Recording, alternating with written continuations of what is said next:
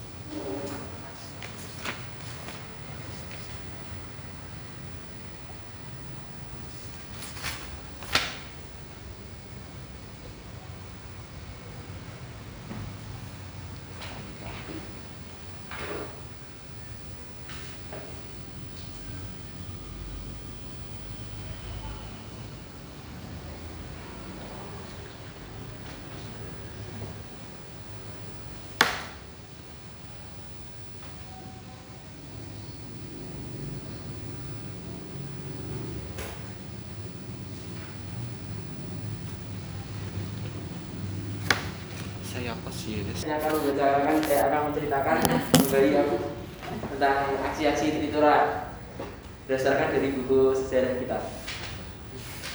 Jadi aksi Tritura ini terjadi setelah eh, peristiwa G30 SPKI. S65. Oh iya, G30 S65. Di mana peristiwa itu eh, kan politik Indonesia itu sedang tidak aman-aman saja, tidak sedang anjlok gitu, sedang tidak baik. Dan di pada masa itu terjadi inflasi sebesar 600%. Sehingga banyak rakyat yang protes yang tidak senang gitu sehingga menimbulkan kemarahan rakyat. Terus terjadilah aksi Tritura yaitu tiga tuntutan rakyat. Di mana aksi tersebut adalah demonstrasi dari mahasiswa dari mahasiswa, pelajar, guru, guru dan lain sebagainya. Terus pada tanggal 26 Oktober dibentuklah Front Pancasila. Saya background.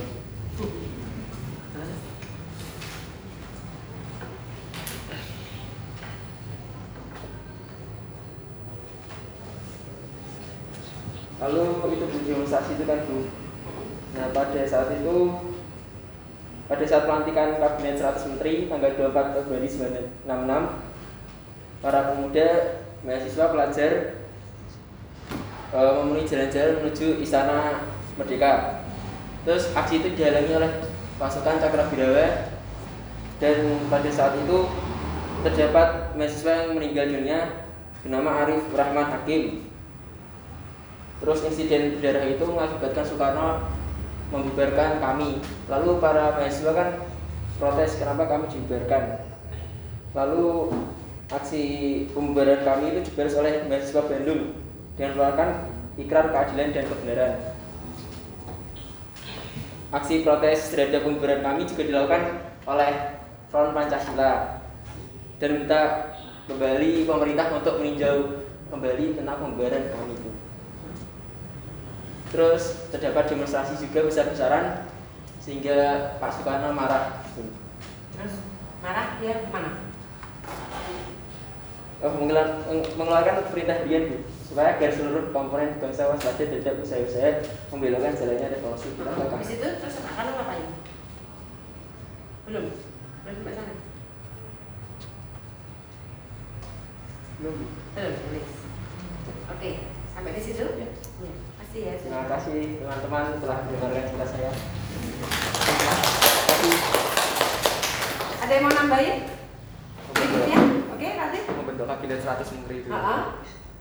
Jadi setelah kabinet Dwi Kora 1 dibubarkan, Pak Soekarno membentuk kabinet 100 menteri ya walaupun kabinetnya gendut sekali itu ya Bu. Isinya menterinya 100 dan ada disinyalir ada golongan PKI-nya juga. Mm-mm. Nah itu membuat rakyat amat marah gitu. Mm-mm. Terus karena marah melakukan kurang tahu. kalian mau nambahin lagi? itu yang menurut saya menarik ya. Yang menurut saya menarik itu kan demonstrasinya dilakukan oleh para pemuda atau kaum terpelajar sebenarnya kalau lihat sejarah negara lain saya ambil contoh Korea yang merdekanya tidak jauh dari Indonesia yang merdekanya waktu itu ada yang di Gwangju yang masih demokrasi pemuda pada itu juga sama seperti ini dilakukan oleh mahasiswa berarti eh, saat ini pun kemungkinan demokrasi yang timbul itu juga salah satu apa ya warisan dari para pemuda atau kaum cendekiawan di masa Iya. Jadi yang menarik adalah motornya, penggeraknya para pemuda. Makanya disebutkan kan masa depan negara bangsa kita itu ada di tangan Kemudian. kalian Hmm. generasi muda ya kan masa saya? Gitu ya nambah itu dah. Masih ada lagi? Sebelah sini sudah sini sudah sebelah sana. Nambahin sebelah sana. Ya. Oke yang dijelaskan oleh Silva tadi diawali dari lahirnya Tritura. Tapi Tritura itu sebetulnya lahir juga bukannya tanpa latar belakang. Jadi kalau kita boleh melihat yang lalu gerakan 30 September memang dikatakan dalangnya masih dalam perdebatan. Sutradaranya siapa masih bisa banyak alasan yang bisa dikemukakan. Tapi pelakunya adalah PKI. PKI dan ormas-ormasnya. Meskipun siapa pun yang memerintahkan yang rakyat melihat kasat mata yang menciduk, menculik para jenderal adalah PKI dan ormasnya. Ormas PKI itu apa Ita? Buruh yang tergabung dalam Serikat Organisasi Buruh Seluruh Indonesia. Petani, Barisan Tani Indonesia. Gak hanya BT loh ya. Kamu happy banget saya sebut BT? Iya. Bikin BT ya? Pelajaran nih ya. Oh enggak deh ya, ini anak IPA kan suka fisika itu. Sekali. Cinta. Ya. Ada pemuda rakyat, ada gerakan wanita Indonesia. Ini adalah organisasi-organisasi di bawah naungan PKI, underbow istilahnya, di bawah naungan PKI, ormas-ormas PKI. Nah, mereka inilah yang oleh rakyat dilihat sebagai pelaku gerakan 30 September. Tapi ternyata oleh pemerintah tidak segera diambil tindakan tegas. Ora diapa-apa kayak gitu loh dinengke wae. Lah gemes toh ya rakyat? Jengkel ya? Nah satu itu. Yang kedua disebutkan oleh Zulfan tadi negara Indonesia secara ekonomi masih kacau balau ya kan? Masih inflasi sampai 600% lebih. Juga belum ada langkah yang diambil oleh pemerintah. Sehingga kemudian Talia tadi bilang dimotori oleh mahasiswa. Jadi memang mahasiswa itu ujung tombak sebuah perubahan. Kalau kita menengok lagi ke belakang, organisasi pergerakan yang pertama kali berdiri di Indonesia Budi Utomo Budi Utomo siapa yang mendirikan Wahidin Sudiro eh pemrakarsanya Wahidin tapi ketuanya iya. Rajiman sini Bukan. eh kok Rajiman Budi Sutomo Sutomo. mahasiswa Oh, Rajiman. Ya, mahasiswa BPKI. Stovia mahasiswa. Stovia toh iya Sutomo terus teman-temannya itu Gunawan Mangunkusumo dan sebagainya gitu mahasiswa juga pelajar juga nah ini juga dari kondisi yang tidak segera diselesaikan itulah maka muncul kesatuan aksi mahasiswa Indonesia yang disingkat kami diikuti oleh tadi ada sarjana, ada guru, ada buruh, ada Pelajar. semuanya pelajar gitu dan lagi kesatuan-kesatuan aksi yang lain yang kemudian dari kesatuan aksi ini mereka bergabung bersatu gitu ya menjadi front Pancasila. Jadi front Pancasila itu apa? Kesatuan gabungan kesatuan kesatuan aksi Gabungan kesatuan kesatuan aksi. Siapa motornya, penggeraknya? mahasiswa mahasiswa. Nah, dari Front Pancasila inilah lahir tuntutan rakyat yang berisi tiga tuntutan, makanya disebut Tritura. Jadi sekarang kita sudah mengenal tiga ra ya. Dwikora. Trikora Dwikora di mana? Dwikora di Malaysia. Malaysia Trikora Papua Papua. Sekarang Orde Baru Tritura. Tritura. Tritura, tiga tuntutan rakyat. Yang pertama, bubarkan PKI bubarkan PKI dan ormas-ormasnya orang PKI tok tapi juga organisasi yang ada di bawah naungannya mereka itu terus tuntutan yang kedua bersihkan kabinet kabinet apa? Dwikora Dwikora jadi kabinetnya Pak Karno itu namanya kabinet Dwikora sekarang kabinetnya Jokowi apa namanya? kabinet kerja kerja bukan Indonesia Indonesia Maju. Maca kurang siji tok. Maca berita. Pemilihannya maca komik.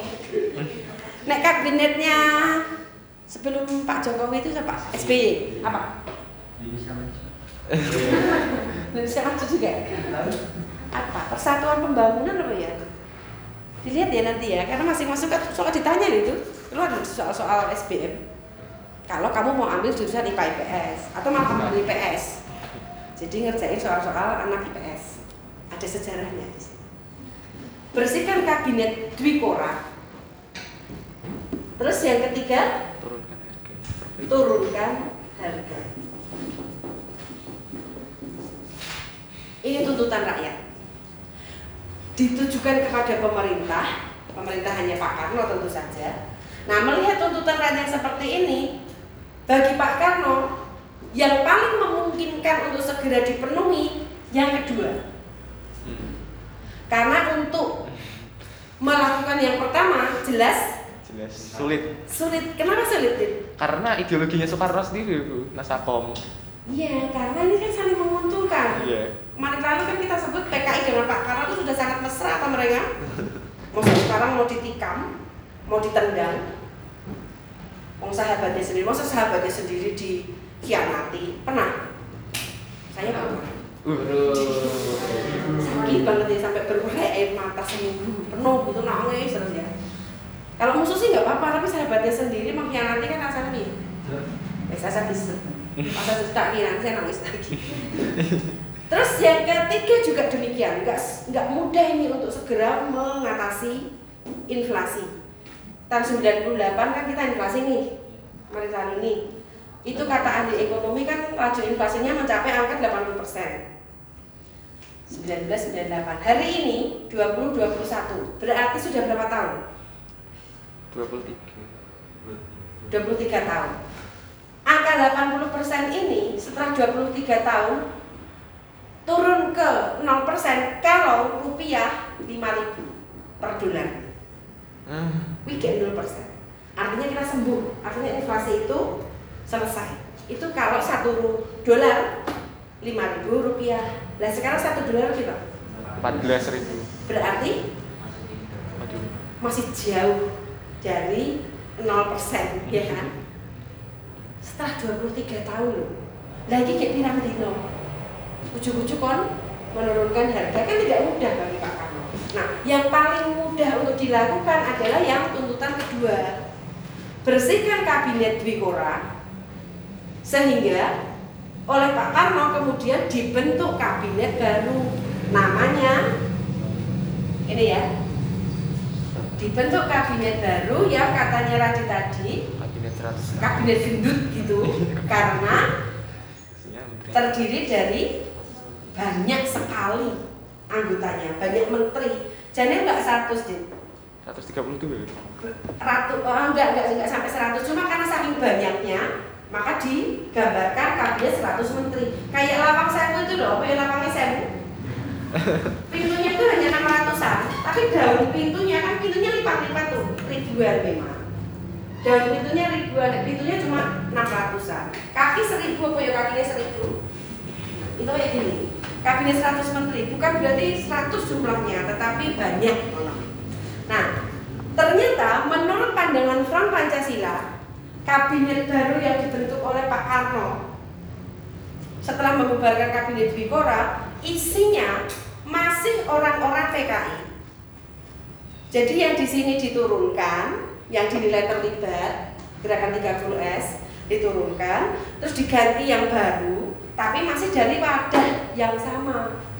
Berarti cuma ganti casing tok loh nah itu yang bikin rakyat marah. Malah tambah marah sekarang. Nah karena marah mereka ingin menggagalkan. Karena mereka nggak mau orang yang sama lagi atau dari organisasi yang sama. Maka di eh, mulailah muncul aksi-aksi demonstrasi oleh para kesatuan aksi kalau atau oleh Front Pancasila. Aksinya aksi damai untuk menggagalkan pelantikan kabinet 100 menteri.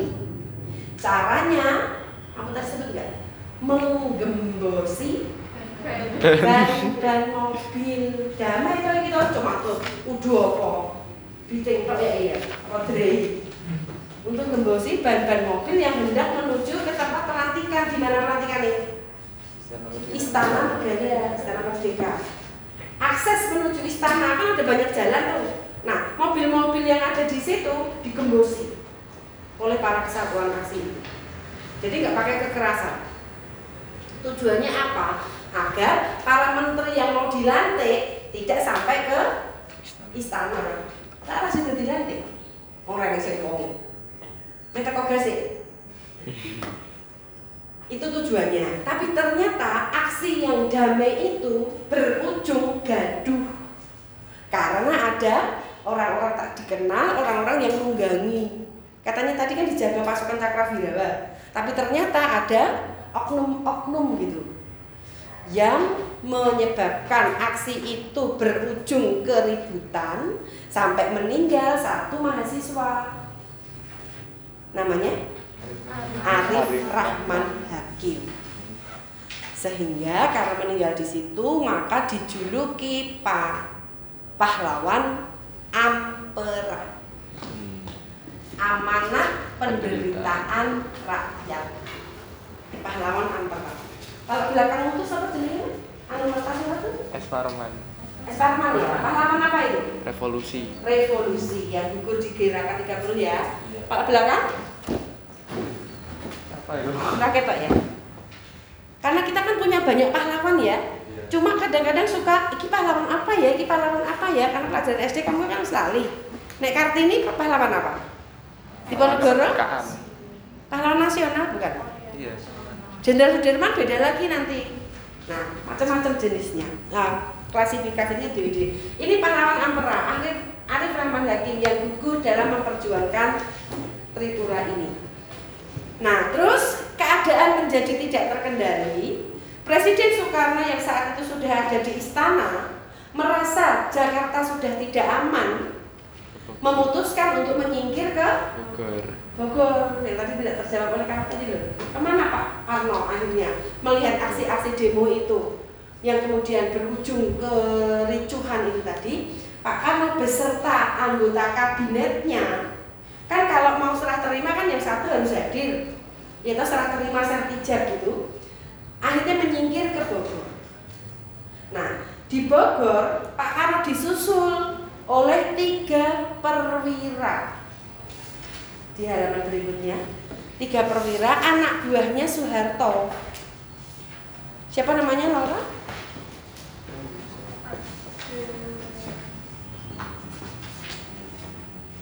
M Yusuf, M. Yusuf, Amir Mahmud, Basuki Rahmat. Ini tiga orang perwira anak buahnya Soeharto. Karena kenapa Soeharto? Karena Soeharto adalah satu-satunya dewan jenderal yang masih hidup. Masih ada Nasution sebetulnya tapi sakit. Habis lolos dari peristiwa gerakan 30 September, dia meloloskan diri kan menempati pagar rumah. Jatuh dia, kakinya patah. Belum pulih, akhirnya jenderal yang ada pada saat itu Soeharto. Terus ketika keadaan Jakarta ibu kota dirasa tidak aman, Soeharto lah yang bertindak sebagai pangkop kamtip, panglima komando keamanan dan ketertiban. Sebelumnya jabatannya Pangkostrat, Pangkostrat. Panglima Komando Strategi Angkatan Darat. Jadi khusus Angkatan Darat. Nek saiki wis semuanya secara umum. Nah, mengutus tiga anak buahnya M. Yusuf, Amir Mahmud, dan Basuki Rahmat nyusul Pak Karno dengan pesan dari Pak Harto bahwa Pak Harto bersedia diberi tugas yang dianggap pen- perlu untuk keamanan ibu kota. Pesannya itu kepada Soekarno yang ada di Bogor. Nah, di Bogor akhirnya Pak Karno membuat surat perintah 11 Maret sesuai isi pesan Soeharto. Berarti isi Super Semar itu apakah penyerahan kekuasaan? Bukan. Bukan, melainkan hanya Pemberian mandat. perintah kepada Soeharto untuk mengamankan ibu kota.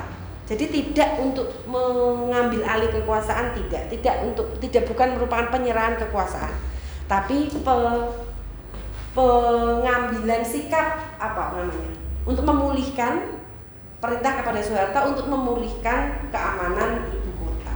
Itu isi Super Semar.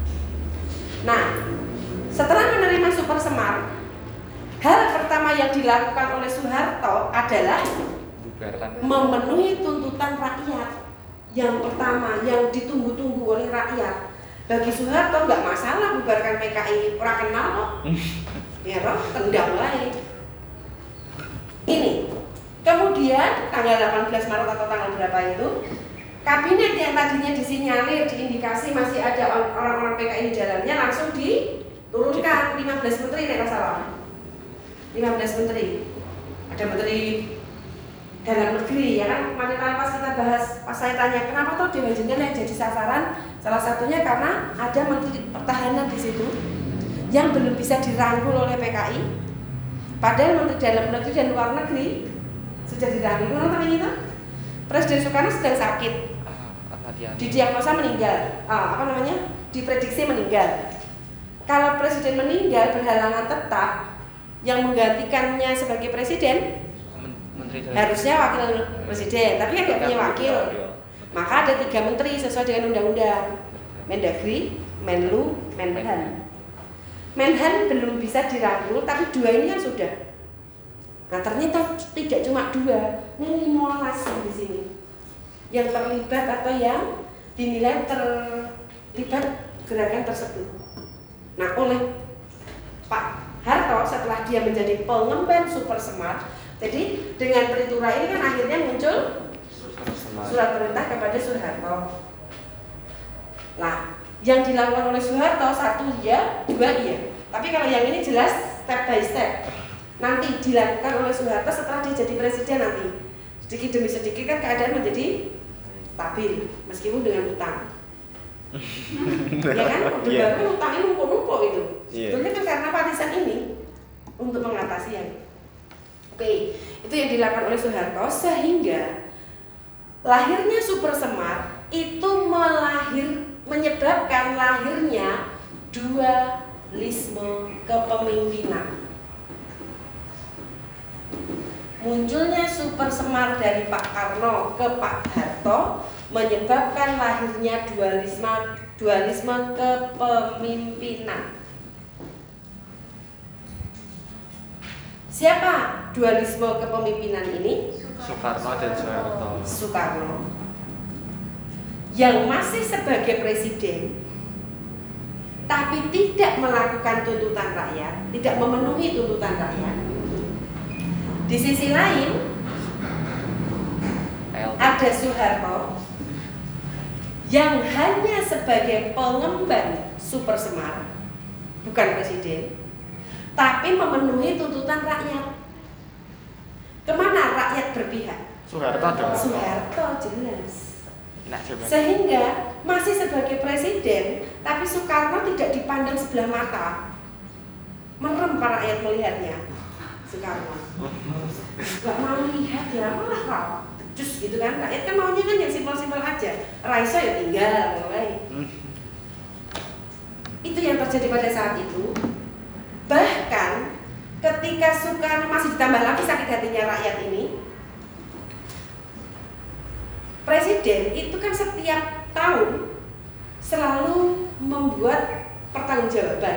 Kalian yang anak pramuka kemarin habis PA buat LPJ enggak? aduh budem pokoknya nggak kelas ini Atau bukan hanya anak yang PA kemarin setiap kegiatan kesiswaan apa pun yang kalian lakukan buat LPJ toh? Rampung sedina orang dino. Kita berbulan-bulan deh merah ditagih bendahara ra digawe.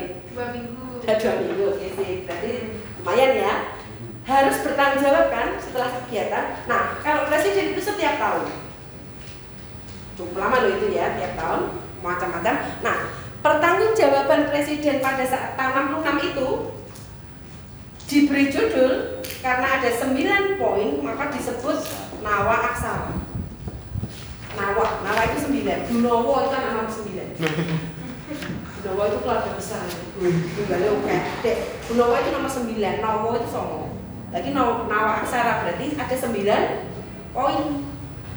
Ada 9 titik. Nah, dari 9 itu tidak menjelaskan, tidak menyinggung sedikit pun tentang gerakan 30 September. Padahal itu kan peristiwa besar tragedi nasional, ya kan? Sampai korban beberapa orang di Jakarta, tujuh di Jogja, ada Katamso, ada Sugiono, di tempat-tempat lain masih ada lagi. Tapi Soekarno bilang ketika ditanya, lo kok nggak nyinggung-nyinggung tentang gerakan 30 September? Jawab Pak Karno apa? Alah itu kan lumrah dalam sebuah revolusi katanya.